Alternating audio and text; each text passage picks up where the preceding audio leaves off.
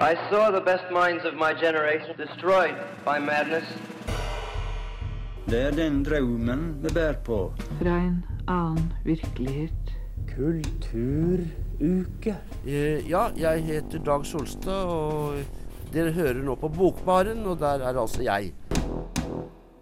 Ja, og vi er nå tilbake i Bokbaren med en flunkende ny eh, sending, eller podcast-episode, hvis du hører på på Spotify eller noe annet. Og her i studio er det meg, Herman, og, Ingeborg. og Ingeborg. Hva er det vi har gleden av å kunne snakke om i dag? Ja, der sa du uh, the keyword, Herman. Gleden. Uh, det er det ingen ringere enn mannen, myten, legenden, forfatteren Dag Solstad. Og selvfølgelig hans mest sentrale verk i dine og mine øyne, Herman, som er Sjenanse og verdighet, som vi er veldig glad i. Og vi, eh, ja, vi gleder oss utrolig mye til å snakke om vår nobelprisvinner, Dag Solstad. Jeg heter Hans Olav Brenner, og jeg syns at det er et slags eh, minstekrav til et oppegående ungt menneske å høre på Bokbarn. Ja, og det er og bør være et minstekrav, i hvert fall i dag, som eh, vi skal snakke om eh, vår favoritt, eh, Dag eh, Solstad. Vi skal jo på en måte gå inn i et verk vi liker spesielt godt, men det er jo kanskje litt greit å ja, gi litt eh, kontekst til våre lyttere og fortelle litt om denne mannen som eh, både jeg og du, Ingeborg, er ganske store fans av. Kan ikke du eh, fortelle litt om mannen du skriver din masteroppgave om? Jo, ikke sant, det var det. Jo, Dag Solstad begynner jo å bli en eh, voksen mann. Eh, han er født eh, 1941. 16. juli. Ja. Eh, Hvis du er i tvil, så bare prøv å huske tittelen på en av hans eh, jeg sier nylige i hermetegn romaner. Eh, 16. i 7. eh, 41. Eh, For det er tittelen eh, Romantittelen er Solstads egen bursdag. Han er jo hva skal man si, en bauta i norsk litteratur. Kanskje den mest kjente forfatteren i Norge, ja, ved siden av Knausgård og Jon Fosse, da. Mm. Ja, han er vel av mange sett på som liksom den største nålevende norske forfatteren, og en av, de som, en av de som på en måte har skrevet stor litteratur i moderne tid i Norge, da. Og veldig internasjonalt anerkjent også for det. Og en av grunnene til at liksom, Solstad er så stor, er jo at han har en skrivende karriere som spenner seg over nesten 60 år. Det blir vel om tre år at han har 60-årsjubileum som forfatter. Eh, han debuterte i 1965, og har jo vært kjent som en politisk forfatter, eh, sånn hovedsakelig. Altså, Dag Solstad kan deles inn i veldig mange faser. Men eh, det politiske har alltid vært veldig sentralt i forfatterskapet hans. Han var jo selv en del av eh, AKP, AKP-ML, altså det marxist-leninistiske partiet i Norge. Og er selverklært kommunist på sin hals. Mhm. Eh, og har skrevet eh, ja, romaner fra på en måte innsiden av eh, arbeiderbevegelsen, hvis man kan kalle det det. Eller, ja. Ja. Eh, og også skrevet på en måte, oppgjørsromaner som tar ja, på en måte delvis avstander, tar et slags sånn oppgjør med, med den ideologien som eh, kanskje ikke funket så godt i praksis som det gjorde på papiret. Da. Ja, for det er jo, er jo litt det, og sånn som du sier, mange faser, da. Men hvis man skulle gitt liksom en sånn kort, eller skissert det opp litt, da, så kan man vel si at han startet med sånn modernistisk pregede bøker. Og så gikk han liksom, eller velta det litt om, og så ble det arbeiderklasse, eller arbeiderdiktning, og så liksom helt inn i det sosiale, realistiske, liksom alt skulle handle om klassekamp og sånn. Og så kommer vi til det oppgjøret, da, der han forlater liksom den eh, maoistiske, eller den AKP-ML eh, AKP-ML-skrivinga, og så går han liksom inn i 90-talls eh, 90-tallsforfatterskapet, som kanskje er mest kjent, og der vi finner sjenanse og, ver og verdighet. Og så Da skulle han slutte som forfatter på 90-tallet, men så, så kom det litt eh, bonusmateriale på slutten her. Ja, og det er gøy at du sier eh, bonusmateriale, Herman, for det er jo et uttrykk som Dag Solstad selv har brukt om alle romanene som kom etter 1999. For eh, det hører jo til eh, Dag Solstads forfatterskap at Dag Solstad er en veldig spesiell forfatterskikkelse. Og han eh, er eh, ikke snau om å uttale seg om sitt eget liv og virke, og har jo skapt en slags sånn karakter eller en persona som sikkert er basert veldig mye på hvordan han er som person også, men eh, som virkelig har blitt en slags sånn Jeg har hørt at eh, Dag Solstad er enhver karikaturtegners drøm, og det handler jo litt om utseendet hans, men på en måte så føler jeg at det også handler om personligheten til Dag Solstad. Men i hvert fall så sa han da i 1999 at eh, forfatterskapet hans var avsluttet, og resten kan bare betraktes som en bonus. Så er vi heldige da som har fått mange bonusromaner og artikkelsamlinger. Mm. Ja, også for å karikere Dag Solstad litt, da. Sånn eh, hvis alle som eh, hører på nå ser for seg en litt eh, forvirra eldre mann med hvitt, krøllete hår. Det er ikke så krøllete nå lenger, da, men på høydepunktet så var det veldig eh, krøllete og stort. Store, runde briller, en sigg i hånda, Et vinglass i den andre. vinglass i den andre. Kanskje en, kanskje en eh, beige dress på toget til Sandefjord. Og det hører jo også litt med til Dag Solstads eh, skikkelse, føler jeg. At han er jo gift med datteren til eh, Jens Bjørneboe. Mm.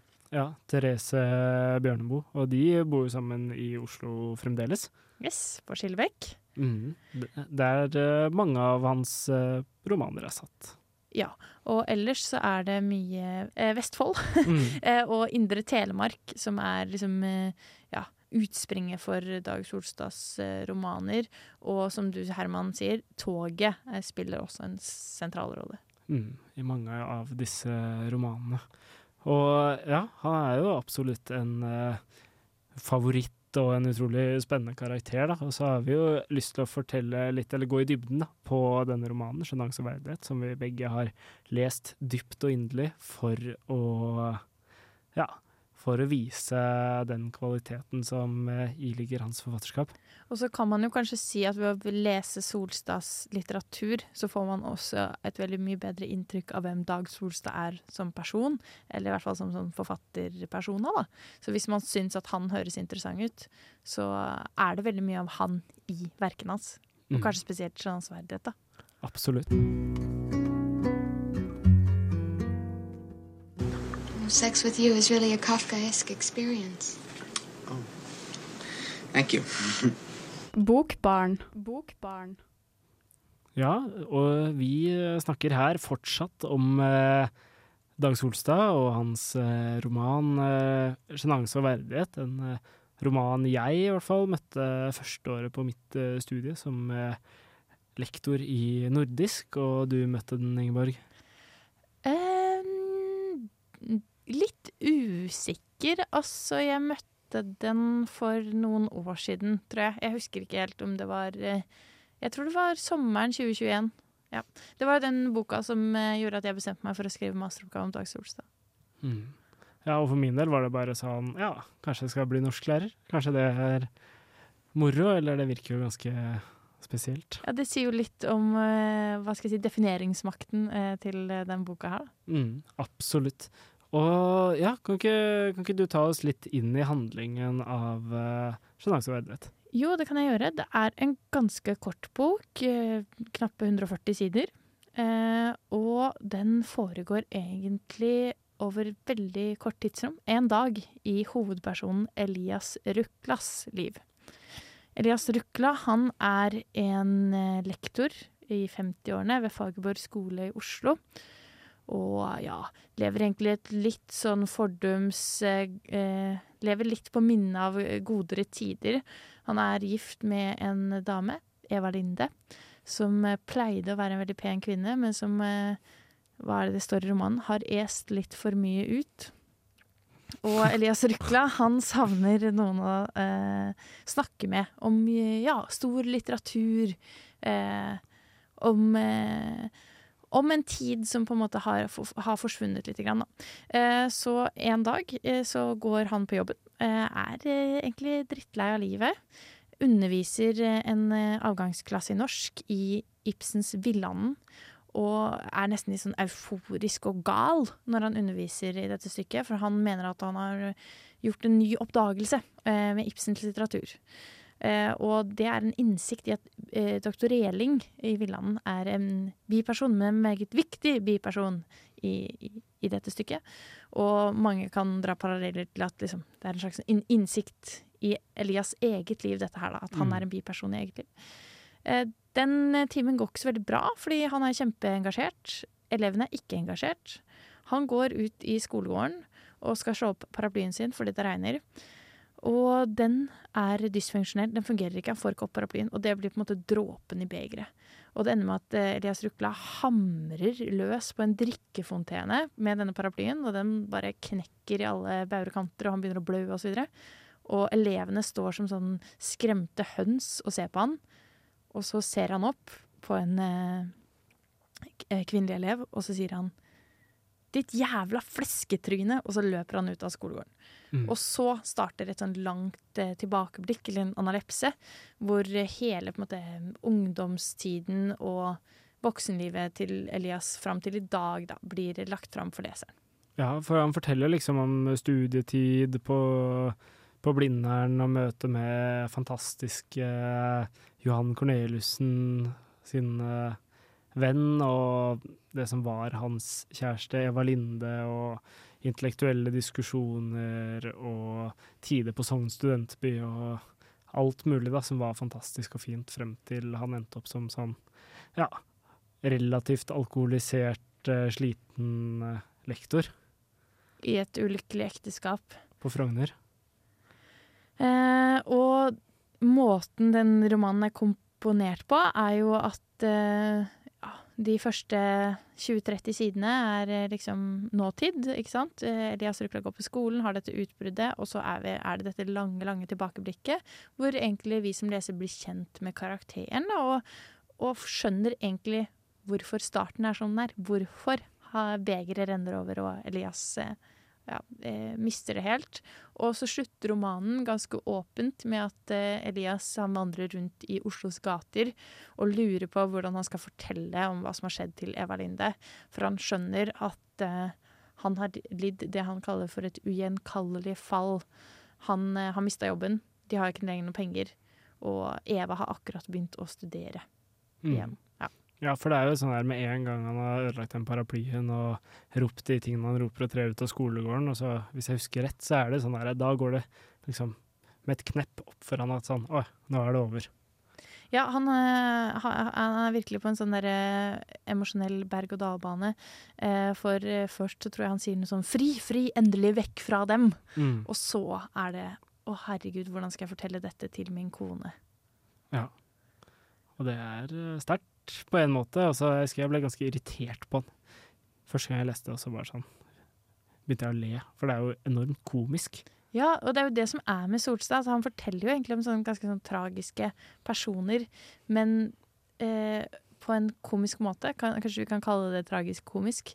For det, det er vel den hyperbolen, på en måte. At sånn Elias Rukla blir så ekstremt eh, Ikke tafatt, men litt sånn Vi ser Elias Rukla så veldig mye bedre enn han ser seg selv. Ja. Og derfor så blir det veldig komisk for oss, hans handlinger, da. Mm. Og blant annet hans eh, sånn eh, ja, idealisering av Johan Corneliussen, da, som eh, vi lærer etter hvert er denne studievennen hans. Eh, det er jo faktisk så ekstremt at det ender med at Elias Rukla bare tar over kjæresten Mm. til Johan Corneliussen. Når Johan Corneliussen flytter, så er han bare sånn OK, du vil ikke ha Eva Linde mer? Ja, men jeg kan ta henne, jeg, liksom. Det er jo helt sykt. Ja, og ja, det er en helt sånn øh, ekstremt eh, fascinerende, jævla bra fortelling, egentlig, om en helt sånn øh, absurd karakter, da. Og leser man mer eh, Solstad, så man jo, skjønner man jo at denne typen karakter er en sånn slags arketype som går igjen i forfatterskapet. da. Det kommer vi sikkert litt tilbake til senere. Ja, ja, absolutt. Eh, og så er det jo dette med at eh, det er konstruert rundt et sånn ikonisk bilde. Det her Elias Rukla som knuser paraplyen mot drikkefontenen. Mm. Eh, det vil enhver som har lest romanen, kjenne igjen. Absolutt. Og vi skal gå mer i dybden på karakteren Elias Rukla. Hallo Trondheim, dette er Tore Renberg som er på besøk fra Stavanger. Og i morgen så tenkte jeg nei, er det noe i hele verden som er finere enn å se et menneske som setter seg ned og åpner ei bok? Eller for å si det rett ut, det er utrolig sexy. Ja, og er det noe mer sexy enn et menneske som setter seg ned på bussen og åpner en eh, bok av Dag Solstad? Nei, tror ikke det. Nei, absolutt ikke. Nei, jeg tror ikke det. Og Eller jo, en person som setter seg ned på toget. Sørlandsbanen. Sørlandsbanen. Eller eh, avstikkerbanen inn til eh, Juksebø og Notodden. Kanskje det aller beste. Referanse til T. Singer her. En annen Dag Solstad-roman. Men nå snakker vi jo om eh, romanen 'Sjenanse og verdighet', som vi har eh, vært litt gjennom handlingen av den. Altså, kanskje vi burde gå litt mer i dybden på karakteren som vi finner i den. Ja, absolutt. Eh, jeg vil bare benytte da sjansen til å ta romanens første setning. Egentlig var han en litt fordrukken lektor i 50-årsalderen med en kone som hadde est litt for mye ut, og som han spiste frokost med hver morgen. Og der har du egentlig Elias Rukla i et nøtteskall, altså. Eh, han er jo, som Herman har sagt, en del av den her arketypen eller karaktertypen til Solstad, som ofte er en litt sånn desillusjonert akademiker som framstår som en sånn outsider. De er ofte veldig fremmedgjorte. Um, klarer verken å på en måte finne sin plass i samfunnet eller knytte noen særlig nære relasjoner til personene de omgir seg med. Mm. Eh, og så speiler de, ja, eh, pussig nok, Dag Solstad selv, ofte i alder. Så i Irrgrønt så er karakteren en yngre mann. Eh, det er da eh, Dag Solstads første roman. Mm. Eh, mens i eh, tredje og siste roman om Bjørn Hansen, så er det en eh, olding, som det står i romanen. Ja, ikke sant. Og det er jo liksom sånn derre I hvert fall når man kommer litt sånn inn i rekken og får lest litt Dag Solstad, da, og får litt sånn Ja. Får litt uh, innsikt i hva liksom, disse karakterene har å by på. da. Der ser du liksom et mønster. Du skjønner liksom hvor du, hvordan du skal forholde deg til en Dag Solstad-karakter. I hvert fall hovedaktøren i uh, romanen. da. Så den personen vi ser litt i Elias Rukla, eller noen av de faktene som følger med, de kan vi også se litt i andre karakterer. da. Eksempel Arild Asnes, som er hovedkarakteren i romanen Arild Asnes 1970. Eller kanskje T. Singer, som, eller, ja, Singer, som er hovedkarakteren i romanen T. Singer. Eller eh, Professor Andersen, som er eh, hovedkarakteren i Professor Andersen. Og der kommer det også litt på, inn på noe annet som er liksom, ja, eh, spesielt med Solstad, da, Herman. Og det er jo den herre eh, romantituleringen hans. Eh, Den er ofte ganske moro og veldig sånn to the point. Det er ikke Altså, Professor Andersen, ja, det er en bok om professor Andersen. Ja. Ellevte roman, bok 18. Jo, det er den ellevte eh, eh, romanen han skrev, eh, skrev, og den 18. boka han ga ut. Ja. 17. roman. Det er den 17. romanen. Men så har du også litt mer sånn kreative titler. Eh, for eksempel eh, Han har jo skrevet en sånn slektsroman fra Telemark, hvor han eh, driver med slektsgranskning på sin egen slekt, som heter 'Det u- uoppløselige episke elementet i Telemark i perioden 1591 til 1896'. Mhm. Og i den sosialrealistiske perioden så hadde han ganske enkle titler som Brød og våpen, Krig 1940, ja, for eksempel. Da. Så mye sånn. Eller bare Svik. Men tilbake til eh, Elias Rukla, så er det jo på en måte Altså, jeg syns jo dette er utrolig pussig. Hvordan jeg, som en eh, på den tiden da, 25 år gammel kvinne, kan kjenne meg igjen i en eh, karakter som er en mann i 50-årene. Eh, som er akadem altså, ja, akademiker, der kan jeg kanskje kjenne meg igjen, da. Eh, desillusjonert akademiker, der kjenner jeg meg igjen. Men ja, det er helt pussig, den derre gjenkjenneligheten i karakterer som er så totalt fjernt fra en selv, og som på en måte er veldig fremmedgjorte både for leseren og, og liksom i, på diskursnivå i romanene. Da. Mm. Eh, men jeg tror kanskje litt av det kommer av at de er så menneskelige. Ja, det er jo det, da. Altså, det er jo mye som man sier om sånn Ja, så kanskje, kanskje man kan påberope Dag Solstad at det han har skrevet er uh, stor litteratur. Og det er litt det man sier om sånn uh, kanonisert og stor uh, litteratur, da. At det fanger noe allment, noe menneskelig, noe alle kan kjenne seg igjen i, da. Og det tror jeg i hvert fall spesifikt nordmenn, da. Men kanskje mange andre som ja, har tatt høyere utdanning og er en del av den store middelklasse og har litt sånne jobber som det her og føler seg litt utafor samfunnet på en eller annen måte. Da. Det er veldig sånn gjenkjennbart, da. og han beskriver det utrolig spesifikt. Og det, er det treffer deg, og kanskje du blir lei deg av det, men det får deg også til å, til å le og ha litt humor i den miserable, eller noen ganger miserable tilværelsen, som er det å være menneske. Ja, og så er det kanskje den herre romantiseringen um, jeg vet, jeg vet, ikke om jeg vil si at Solstad driver med det. Han driver vel mer med en slags sånn kulturkritikk og en samfunnskritikk, men i det ligger det jo en slags romantisering av eh, en eh, ja, eh, tidligere storhetstid for de intellektuelle, og som liksom jeg, jeg, orker ikke si dette, men som intellektuell person. Nei da. Så en person som liker å, å, lese litteratur og diskutere det, så kan man jo kjenne seg igjen i den derre sorgen da Elias Rukla har over at eh, han føler at samfunnet ikke evner å tale til han, og at han ikke har noen å snakke med. Og nå er jo ikke det tilfellet for deg og meg, som står her og analyserer den romanen sammen, men mm. man, kan, man, kan, kjenne seg igjen i den frykten da, for å, for å ende sånn. Ja. Eh, i eh, offentlig, som offentlig ansatt eh, om 25 år og råtner bort og føler du har kasta bort livet ditt på noen norske elever som ikke bryr seg om hva du har å si, liksom. Ja, for det er jo, er jo litt det, da, når du bruker så mye tid som mange gjør, da, tar et hovedfag eller skriver en mastergrad om, eh, om bøker eller om noe om noe annet, eller har vært historiker, eller er ja, journalist, eller har mye du bryr deg om, da, så sitter du på veldig mye kunnskap om et eller annet som du mener er veldig viktig for alle andre mennesker, og sånne ting. Og så er det liksom sånn, ja, den informasjonen har jeg, og jeg har veldig lyst til å dele med andre, men de er kanskje ikke så interesserte. Og litt den kampen fanger Dag Solstad ganske greit. Og så er det jo, sist men ikke minst, bare det navnet Elias Rukla. Man må jo elske en uh, romanperson med, med det navnet. Jeg syns det er helt fantastisk. Rukla er visst en bekk da, som renner gjennom Sandefjord, fødebyen til Dag Solstad.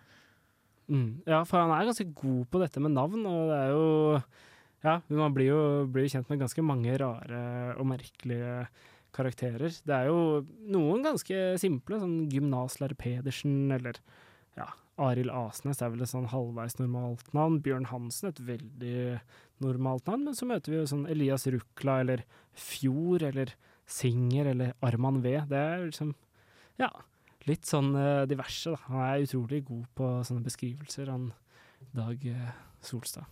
Uh, ja, jeg heter Dag Solstad, og dere hører nå på Bokbaren, og der er altså jeg. Ja, og der fikk vi høre en hilsen fra undertegnede, eller fra han vi prater om i dag, Dag Solstad. Og vi har gått litt i dybden på hans arketypiske romankarakter og romanen 'Sjenanse og verdighet', da som vi setter eh, relativt høyt da, i forhold til all annen litteratur også. Men eh, Ingeborg, hva er det liksom som Hva er det du liker så godt med denne boken?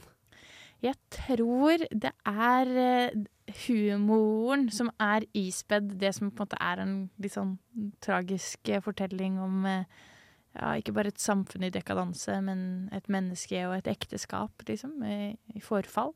Um, og ja, eh, grunnen til at det er så morsomt, er jo for eksempel liksom eh, Elias Rukla er jo eh, Altså, romanen er fortalt i tredjeperson, eller skrevet i tredjeperson, men det er en sånn eh, intern fokalisering som gjør at vi, leseren, føler at man på en måte er på innsiden av Elias Ruklas hode, da. Mm. Og som sagt så føler leseren at man ser Elias Rukla så godt, og da blir det ganske komisk. Og det er blant annet en scene jeg har lyst til å lese opp her, en episode fra klasserommet hvor Elias Rukla står og reflekterer over, over sin gjerning som lærer, da. Det ble derfor mye Ibsen på hans elever, mer på dem enn på de som hadde en annen lærer. Eh, som oftest nøyde de seg med ett stykke, eller i høyden to. Det betydde ikke at han overså Bjørnstjerne Bjørnson, Kielland, Jonas Lie. Jo, Lie overså han en smule.